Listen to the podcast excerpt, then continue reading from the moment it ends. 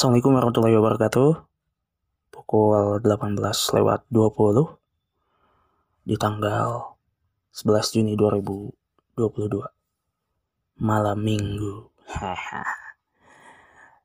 Tadi tuh beberapa waktu lalu sebelum saya rekaman podcast ini sekitar pukul 17 lewat 17 seorang teman ngechat ke saya. Malingan ke mana, euy? Eh, itu kan kalau dalam bahasa Indonesia malam mingguan ke mana? Nih fun tapi gak pakai sapaan fun sih cuman malam mingguan ke mana? Eh uh, saya jawab di kosan baik haha uh batur gak ada temen soalnya gitu. Terus kata saya itu padahal Bandung mendukung buat malmingannya haha uh motor oge jadi rada baringung. Gak ada motor juga jadi rada bingung. Nah jadi saya tuh uh, udah hampir dua mingguan di Bandung ngekos lagi um, tapi belum main ke mana-mana sih selain ke kampus uh, dan lagi pula gak bawa motor karena motornya dipakai adik saya dan emang motor adik saya sih saya gak punya motor dengan STNK atas nama saya cuman ada dua di rumah tuh motor teteh saya sama motor adik saya. Nah jadi saya gak gak punya motor lah istilah, istilah eh gak punya motor gitu. Uh, jadi dari kosan yang sekarang tuh saya ngekosnya di daerah Cipedes uh, Gerlong Hilir ke bawah lagi mungkin sekitar 200 set 200 meteran mungkin ada ya. Jadi kalau mau ke kampus itu naik lewat Gerlong Tengah lewat Pasar Gerlong terus belok kanan uh, ke Gerlong Pusat. Gerlong nah ya? Itu namanya saya juga gak tahu. Gerlong Pusat lah gitu jalan yang kalau lurus ke kiri dari arah SD Solo tuh DT ke kanan ya ke menuju arah Jalan Setiabudi um, malam minggu. Dan biasanya sih sebenarnya kalau dulu saya masih ngekos sebelum kemarin uh, pandemi itu dari 2012 sampai 2020-an awal itu tuh ya malam mingguan di rumah di kosan aja sih uh, paling sesekali kalau misalnya ada acara malam puisi Bandung gitu saya suka sengaja datang buat cari uh, buat cari teman juga buat baca puisi aja sih. Dan emang cari hiburan gitu intinya buat dengerin orang-orang baca puisi atau bawain musikalisasi uh, dan kayak gitulah yang berkaitan sama sastra gitu sama puisi. Nah kalau untuk sekarang uh, karena bisa sih sebenarnya meskipun gak ada motor juga mungkin naik gojek atau apalah gitu. Tapi ya malas aja kalau gak ada motor sendiri mah jadi gak bebas gitu. Uh, dan lagi pula ada yang lagi saya coba fokusin sih untuk beberapa bulan ke depan selama di Bandung gitu. Jadi mungkin gak bakal uh, terbuai gak bakal terpikat sama kegiatan-kegiatan di luar yang lagi coba saya fokusin sekarang. Uh, ditambah juga mungkin di Bandung ini saya udah sedikit banget gitu teman-teman. Paling ada satu dua tiga orangan lah yang mungkin saya kenal gitu. Uh, ada yang lagi jadi guru agama di salah satu SMA swasta di Bandung. Uh, dia adik kelasnya juga dulu uh, dan sama-sama dari Tasik juga. Meskipun kita beda kecamatan gitu. Dia di Singaparna saya di Cineam. Itu jaraknya mungkin bisa kalau ditempuh pakai motor tuh mungkin jam setengah dua jaman mungkin ya. Hmm, terus satu lagi temen sekelas S2 tuh ada uh, terus adik kelas juga yang lagi skripsian gitu. Uh, ketika saya ke kampus ya saya ketemu sama dia gitu. Jadi ada serasa ada teman sisanya ya saya sendiri sendirian aja gitu di kosan uh, yang baru ini. Dan mungkin kosannya juga cuman beberapa bulan aja gitu. Uh, ya saya jadi kepikiran aja nih tentang bahwa kehidupan kita tuh emang gak bakalan selamanya ada di satu titik uh, itu. Meskipun kita mungkin pengen ya. Uh, yang awalnya lagi kuliah uh, punya banyak teman punya banyak circle uh, suatu saat uh, kita tuh bakal lulus dan masing-masing orang punya menjemput takdirnya masing-masing gitu. Ada yang kerja di daerah yang sama dengan tempat kita kuliah atau balik lagi ke kampung halaman ataupun uh, apa gitu.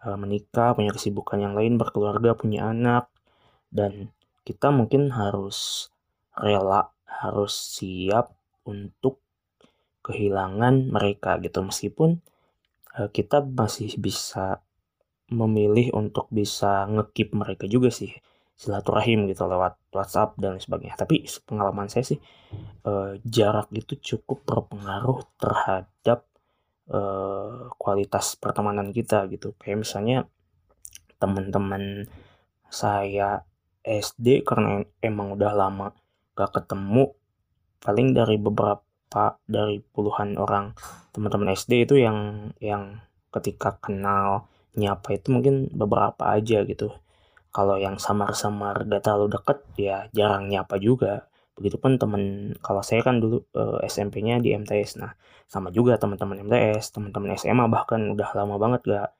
ketemu sejak saya lulus 2011 mungkin cuman inter interaksi uh, interaksi itu kalau untuk sekarang-sekarang mungkin satu dua tiga orangan lah di Instagram terutama gitu.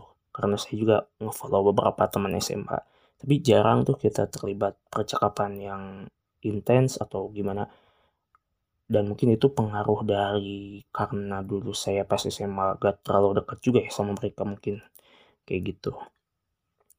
E, begitupun untuk teman-teman kuliah kalau saya sendiri dari 50-an eh, lima puluhan lebih mungkin teman-teman kuliah mungkin yang masih sering chat-chatan itu ya bisa dibilang kurang dari 10 lah uh, yang yang dekat banget gitu. Karena uh, sebelumnya kita mungkin satu kosan atau satu uh, sering nongkrong bareng dan sebagainya. Nah uh, beberapa tahun lalu terutama pas pandemi itu ya kita jadi jarang ketemu meskipun satu dua tiga. Di antaranya saya masih sering chatan gitu ngirim-ngirim video-video atau memes yang yang mungkin bakal kita ketawain bareng gitu. Dan itu mungkin cara saya untuk menjaga silaturahim sama mereka. Um, gitu. Um, dan sebenarnya soal teman ini tuh pertemanan yang makin mengerucut makin sedikit ketika kita udah semakin dewasa tuh udah lama saya pikirin gitu untuk diobrolin di podcast. Uh, saya tahan-tahan itu sebenarnya buat uh, saya riset dulu gitu dari sisi psikologisnya tuh kayak gimana uh, dari mungkin referensi-referensi ilmiahnya dan sebagainya. Tapi uh, ternyata enggak enggak saya lakuin juga gitu. Jadi sekalian aja karena ngebahas tentang uh, uh, saya ngerasa sendirian di Bandung ini uh, untuk sekarang-sekarang jadi kebahas juga gitu. Meskipun mungkin gak sedalam yang saya rencanakan dan saya pengenin.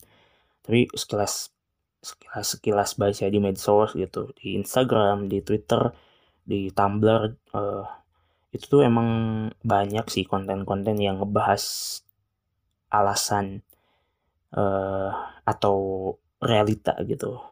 Bahwa terutama sih pasca kuliah mungkin ya pasca kuliah S1 itu jadi kita tuh ngerasa banget gitu. Uh, dulu teman-teman yang pernah sangat dekat itu tuh menjauh.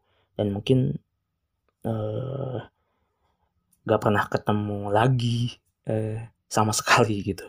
Untuk jangka waktu yang sangat lama. Atau bahkan mungkin gak pernah ketemu lagi.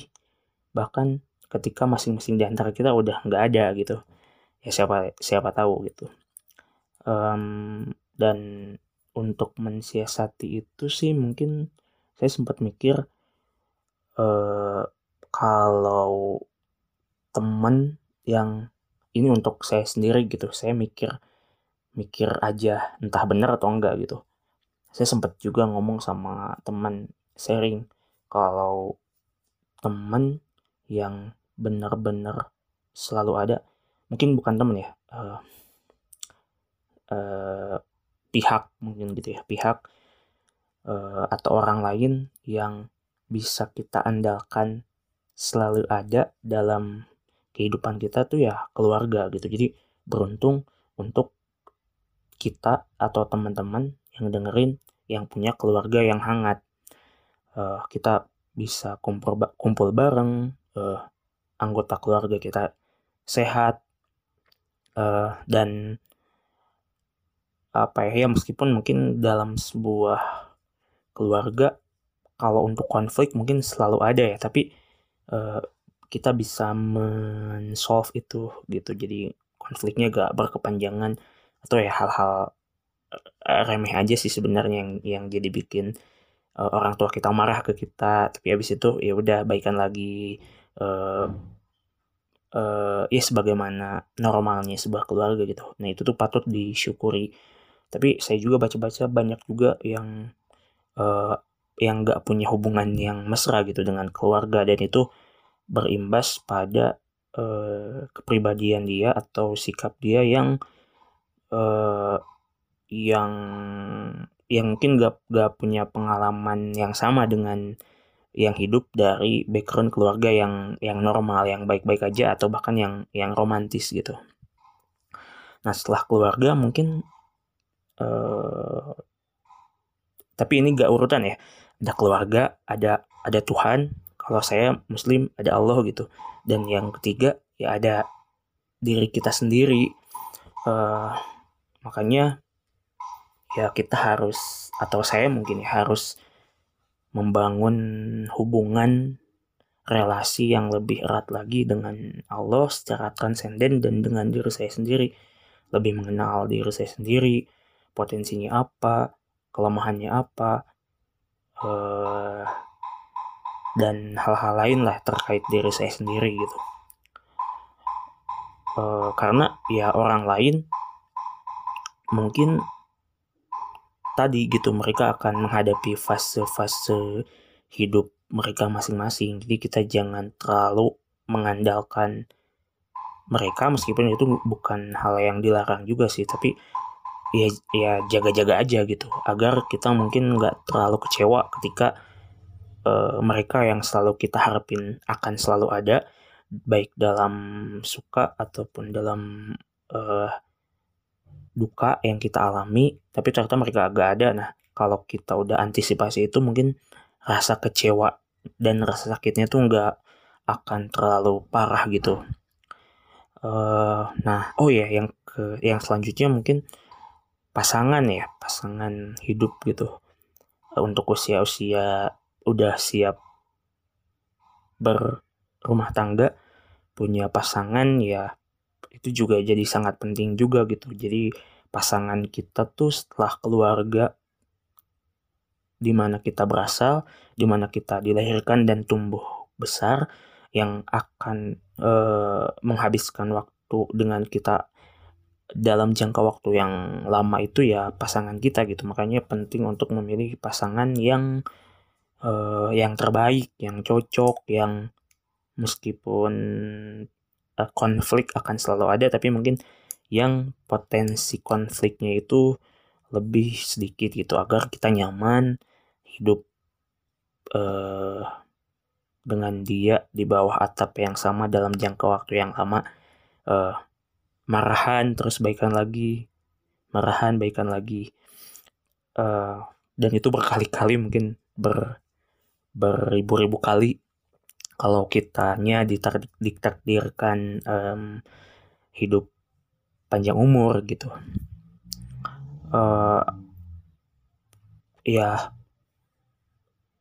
beruntung ketika memang kita mendapatkan pasangan yang paham sama kita, ngerti kekurangan kita, dan kita juga ngerti kekurangan dia, kelebihan dia, menerima apa adanya dia gitu. Karena emang uh, karena pasangan hidup kita adalah manusia gitu pasti akan um, selalu ada banyak kekurangan. Uh, dan di mana kalau kita menyadari itu sih mungkin kita akan relatif mudah untuk memaklumi jadi ego kita untuk menuntut dia selalu sempurna sesuai dengan keinginan kita tuh jadi jadi lebih ya lebih mudah aja sih tadi dimakluminya gitu uh, dan beruntung juga nih buat teman-teman yang punya sahabat dekat, teman-teman yang selalu care, selalu ada gitu. Tapi jujur kalau saya sendiri sih dari dulu mungkin saya gak, saya ngerasa nggak punya sahabat yang deket-deket banget gitu. Mungkin sempat dulu ada sih pas SD gitu. Tapi hubungannya tuh jadi agak renggang karena saya melakukan melakukan kesalahan gitu, suka ngejek-ngejek dia terus jadi tiba-tiba pisah aja jadi jauh gitu. Terus uh, sekian tahun kemudian ternyata dia meninggal gitu Allahumma gfirlahu warhamhu wa'afi wa'fahnu mudah-mudahan Allah mengampuni dosa-dosa dia dan dia juga memaafkan kesalahan saya waktu dulu waktu sanawiyah gitu. Uh, nah abis itu mungkin dulu ada sih teman pondok yang kita tuh satu sekolah juga pas SMA kita cukup dekat gitu. Kalau malam minggu tuh kadang-kadang kan dia punya rumah gitu kan. Rumahnya sebenarnya di kabupaten agak jauh. Sementara uh, pondok kita tuh di daerah kota. Nah dia punya perumah punya rumah di sebuah perumahan. Nah kita tuh kadang nginep di rumah dia gitu yang di yang di perumahan itu. Cukup deket lah tapi sekarang udah agak jarang kontakan juga sih. Dia udah nikah udah cukup lama ya 2000 berapa gitu. 2017 mungkin eh enggak. Mungkin bis 2016 atau 17 lalu saya juga lupa lagi.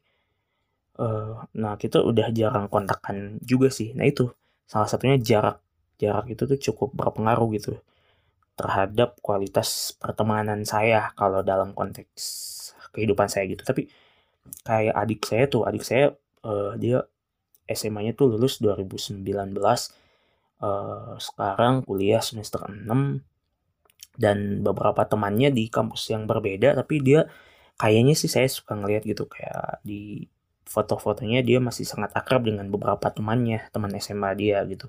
Nah sementara kalau saya sih jarang gitu jarang gak ada gak punya geng gitu yang yang sama-sama dekat. Uh, sering keluar bareng sering ngobrol bareng atau bahkan main gitu ke tempat-tempat tertentu. Nah kalau adik saya masih kayak gitu sih. Pun dengan kakak saya kakak saya kan mondok tuh di Cipasung di pesantren Cipasung. Uh, dia juga masih punya banyak temen juga gitu. Uh, dan yang saya amati nih ya uh, perempuan itu lebih relatif punya banyak sahabat atau teman-teman yang dekat gitu ketimbang laki-laki tapi mungkin laki-laki juga uh, banyak juga sih tapi yang sepengamatan saya tuh perempuan lebih lebih lebih mudah untuk punya sahabat gitu yang bisa uh, saling mengeluarkan unek-uneknya, saling sharing ya sebagai sahabat itu gitu. Nah kalau saya sendiri uh, eh, gak tahu ya apakah ada ada teman saya yang anggap saya sebagai sahabat, teman yang dekat atau gimana, tapi saya sendiri ya relatif lebih sering sendirinya gitu uh, ketimbang uh, punya kawan yang deket-deket banget gitu. Gak tau kenapa ya. Ya saya juga sebenarnya pengen sih punya sahabat yang deket kayak gitu. Tapi uh, yang yang saya jadikan role model tuh kayak misalnya yang yang ada yang di, yang ada di ingatan saya tuh misalnya uh, Abah Gusmus sama Abi Quraisyhab tuh. Kan mereka sahabat sejak di Kairo ya, di Al Azhar. Tapi mungkin juga sebelum berangkat ke sana uh, sudah terjalin persahabatan itu persahabatan itu gitu saya juga nggak tahu juga sih nah saya juga pengen gitu kayak kayak beliau beliau itu uh, tapi mungkin mungkin sih yang bisa saya lakukan ketika uh, ingin seperti mereka ya saya menjadi sosok yang uh, yang diharapin sama mereka tanpa berekspektasi saya akan punya sahabat juga sih mungkin. Jadi ya ngalir aja gitu. Uh, berbuat baik aja. Kayak misalnya uh, saya jadi kepikiran almarhum Ariel tuh uh, yang lagi rame di medsos gitu. Uh, karena dia uh, ya meninggal gitu ya. Yang tenggelam di Swiss itu di Sungai Are. Kita jadi tahu gitu bahwa Ariel sebagai personal dia tuh ya sosok yang hangat banyak teman-temannya teman-teman SMA-nya gitu dan mungkin teman-teman kuliahnya juga memposting kebersamaan bersama Ariel dan uh, kebaikan-kebaikan dia tuh jadi terungkap gitu. Ketika uh, almarhum meninggal gitu. Uh, kalau saya sih sebenarnya gak terlalu kenal ya sama Ariel tapi dulu pas PPL tuh 2015 saya sempat beberapa kali lihat Ariel gitu kayak di medsos tersebar uh, fakta bahwa Ariel tuh emang suka naik sepeda ke sekolahnya ya emang saya ngamati uh, mengamati lang bukan mengamati uh, melihat langsung gitu fakta itu uh, selebihnya teman saya sih sebenarnya yang ngajar di kelasnya Ariel itu waktu itu tuh kalau gak salah kelas 11 IPA 2 kalau gak salah ya kalau gak saya gak salah uh, ingat gitu saya Nah, uh, ya jadi orang yang baik aja sih. Ketika kita jadi orang baik, uh, manakala kita meninggal atau kita ya ya meninggal dunia, mungkin sosok kita tuh akan sangat uh, membuat orang-orang di sekitar kita atau bahkan orang-orang yang gak di sekitar kita tapi orang-orang yang di sekitar kita mengabarkan lewat medsos ya orang-orang di luar sana yang sangat jauh dengan sosok ini tuh akan merasa kehilangan juga ya buktinya di RL ini gitu.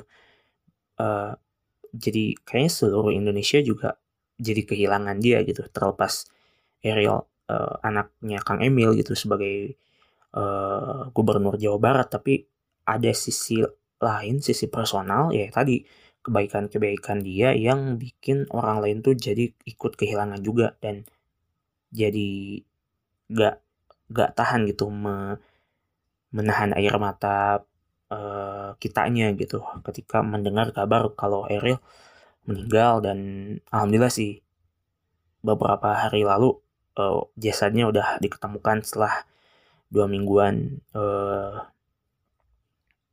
tenggelam gitu di sungai sana. Uh, jadi ke mana ke mana jadi ke mana-mana ya ini pembahasannya yang awalnya dari pertanyaan teman saya yang nanyain ke mana saya malam minggu ini gitu. Ya saya cuma di kamar doang sih.